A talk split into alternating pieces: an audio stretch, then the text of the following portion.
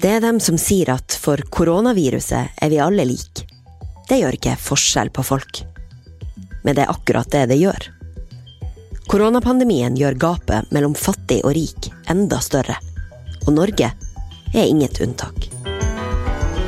Du hører på Verdens gang korona. Jeg heter Nora Torp Bjørnstad.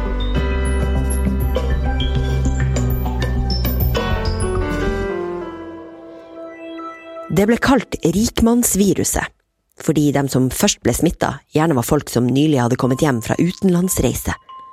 Vi hørte historier om hushjelper som ble smitta av rikfolkene de jobba for.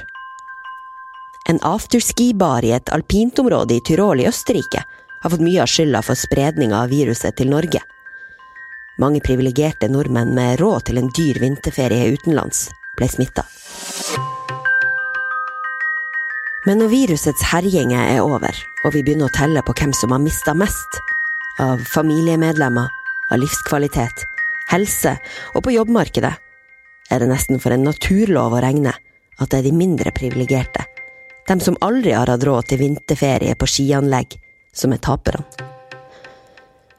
For å forklare hvordan dette henger sammen, ringer jeg professor i sosiologi, Anette Arntzen. Hun har også doktorgrad i epidemiologi og forsker på sosial ulikhet og helseforskjeller. Så, Anette, så eh, har jo denne koronaepidemien også eksponert den ulikheten som finnes innenfor eh, helsa til eh, Ola Nordmann. På hvilken måte? Først så sa man jo at eh, det her eh, Altså en, en sånn influensatype epidemi, eller en type epidemi-pandemi, den rammer alle. Og den ser ikke på sosial klasse eller sosial ulikhet. Men Konsekvensene av den gjør at de sosiale ulikhetene forsterkes. Fordi det er så store ulikheter i måten å, å kunne håndtere en sånn type sykdom. Her hører du at det er ett begrep vi må ha klart for oss før professor Anette forklarer videre, nemlig sosiale ulikheter i helse. Litt forenkla handler det om at hva slags bakgrunn vi har, som hvordan utdanning, jobb og inntekt vi har, ja til og med hvem foreldrene våre er og hvor vi bor, ofte avgjør hvor god helse vi har. Og koronapandemien gjør det her veldig tydelig nå. Eh, vi vet jo eksempel at eh, eh, når, når de som blir, skal ha hjemmekontor, og kan gjøre jobben sin. Det er én gruppe mennesker i én type Eller ikke én gruppe mennesker, men det er mennesker som har da den type jobber hvor du, du kan utføre jobben din hjemme. Og at du også da har utstyr hjemme, internettilgang, PC-er osv. Mens andre har ikke den type arbeid som har mulighet for å ha hjemmekontor. Det vil si at de er ute da av arbeidsmarkedet i sånne situasjoner som nå. Og Så vet vi også fra tidligere forskning at det er de som har vanskeligst med det å omstille seg på arbeidsmarkedet når det er i endring, f.eks. med automatisering, digitalisering osv. Da er det de arbeidsplassene som de med lav utdanning og de ufaglærte har, det er de som forsvinner. Tenker du at her, denne pandemien kan gjøre at eh, forskjellene mellom oss blir enda større? Ja, det tror jeg det kan. Altså, nå vet, nå vet vi jo veldig lite om hva som kommer til å skje. Men uh, ut ifra tidligere forskning og hva vi vet uh, om grupper som, sakte, som, uh, som sakker akterut, akterut i forhold til de økte sosiale uh, forskjellene vi ser, så er det jo eksempel at barnefamilier rammes i større grad av fattigdom. Og at grupper med lav utdanning at de har sterkere nedgang i sysselsettingen generelt. Og at uh, de rike de øker sine inntekter, og øker også levealderen mye mer enn de med lavest inntekt. Har man sett det her med tidligere epidemier eller pandemier, enten i Norge eller ute i verden? Ja, vi har sett at eh, pandemier eh, slår eh, sosialt skjevt. Det er et stort forskningsprosjekt på Oslo OsloMet nå også, som skal se på dette her med sosial ulikhet i ulike pandemier. Men, men det de vet f.eks. når det gjelder spanskesyken, så var det de fattigste i Bergen i 1918 som ble først ramma veldig hardt.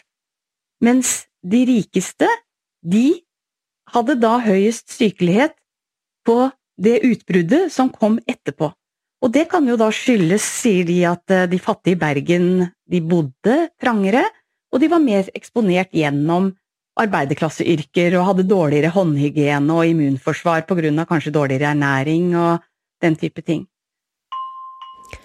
Hvert år beskriver Folkehelseinstituttet helsetilstanden i Norge.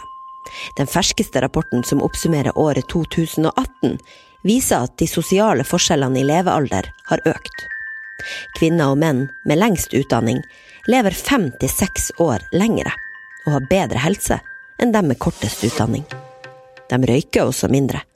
I Oslo der er det jo opptil åtte års forskjell i forventa levealder mellom bydelene. Mens i Bergen og Stavanger så ser man også forskjeller, men ikke så mye som i Oslo. Med bedre helse er du naturlig nok sterkere i møte med koronaviruset enn hvis du har helseplager fra før av. En fersk undersøkelse gjort av Frischsenteret ved Universitetet i Oslo bekrefter at selv om koronakrisa rammer bredt, er det tydelig at noen samfunnslag lider mer enn andre. Det er mye større risiko for å bli sagt opp eller permittert nå under krisa hvis du har lav inntekt, lav utdanning og kommer fra en familie der de før deg heller ikke har tjent så mye. Folk i jobber som ikke er samfunnskritisk og som innebærer fysisk kontakt med andre, er mest utsatt for permittering. Kvinner er mer utsatt enn menn. Unge er mer utsatt enn eldre. Og innvandrere er mer utsatt enn norskfødte, viser undersøkelsen. Oslo vest hadde altså flest smitta i starten, og bydelene Ullern, Sagene og Frogner var hardest ramma. Men det gikk ikke lang tid før det her endra seg. Og nå er det flest smitta på østkanten. Det er jo kjent at uh, Oslo øst og Oslo vest har uh, helt ulike befolkningsgrupper på mange måter, og der er det store forskjeller, sosiale forskjeller. Og det at uh, vestkanten fikk det først, det skyldtes jo at når viruset kom til Norge, så kom det ja, med skituristene fra Østerrike, for å si det sånn. Men etter hvert så, så spres det jo raskere der hvor det er trangboddhet, der hvor det bor folk eh, som eh, ikke har kanskje tatt til seg helseinformasjonen raskt nok i forhold til det å, å være eh, mye og tett sammen. Det er heller ikke så veldig lett å si hold avstand hvis du bor i en, uh, over, en oppfylt leilighet. Eh, og det sitter tre barn hjemme og skal ha hjemmeskole, og, og noen andre barn som, som, løper rundt.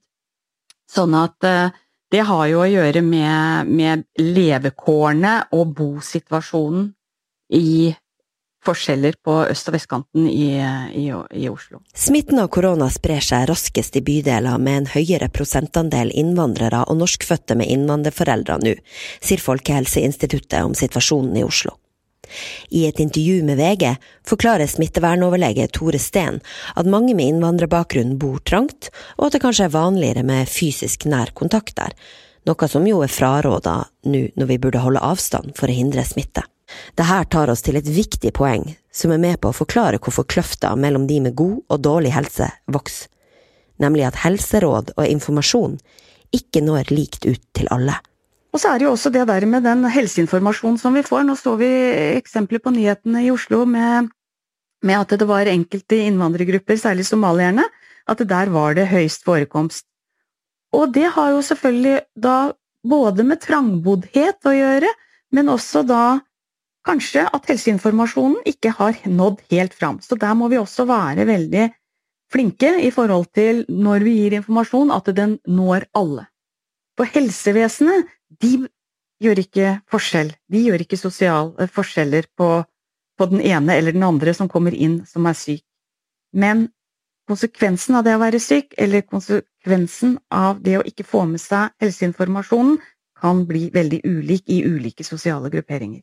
For på spørsmål om hva myndighetene kan gjøre for å motvirke denne kløfta i helseforskjeller, er informasjon på rett måte til alle en viktig faktor, forteller Anette. Oslo kommune har nå oversatt helsemyndighetenes informasjon om koronaviruset til vel 18 språk og tegnspråk. Bydelene i Oslo gir direkte informasjon nå til utsatte familier, foreldre med minoritetsbakgrunn, butikker og ungdomsmiljøer. I tillegg så spres det virusinformasjon i sosiale medier, via plakater og på ulike språk i butikker og på lekeplasser og parker. Spørsmålet nå er jo er det for seint å stoppe de økende forskjellene i helsa til folk. Kan man ikke på en måte si at skaden allerede er skjedd? At med denne pandemien så er eh, de sosiale ulikhetene i helse allerede forsterka?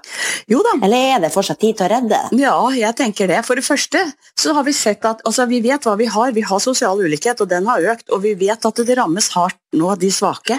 Men det som skaper de sosiale helseforskjellene, det er det mulig å gjøre noe med. For det er forhold ved og i samfunnet. Professor Anette kommer med et lyspunkt til slutt. Er det ett land som kanskje kan klare å motvirke at urettferdigheter vokser, så er det Norge, mener hun. Ja, pga. de tradisjonene vi har med demokrati, velferdssamfunn, tillit, oljepenger eh, og politikere som ikke er korrupte. Så hvis myndighetene kan ha mer fokus på at de sosiale forskjellene i helse at det ikke dreier seg om ytterpunktene rik-fattig, men at det går gjennom hele befolkningen. Og Derfor så bør de politiske tiltakene være universelle og omfatte alle, for da blir flest hjulpet. Og I tillegg så vil vi jo selvfølgelig sette inn ekstra ressurser for å hjelpe de mest sårbare. Og så er det veldig viktig å opprettholde et godt utbygd offentlig helsevesen, som ikke først og fremst hjelper de med private helseforsikringer. Og det ser vi jo tydelige eksempler på forskjeller mellom land i den krisa vi er i nå. Det er mulig å gjøre noe med den problematiske og urettferdige ulikheten vi har, med innsats og politisk vilje. Du har hørt en episode av Verdens gang korona. Den lages av Kristine Hellesland, Emilie Hall Tor Erling Tømt Ruud og meg, Nora Torp Bjørnstad. Vår tekniske produsent er Magne Antonsen. Takk for at du hørte på denne episoden, og det kommer en rykende fersken i morgen.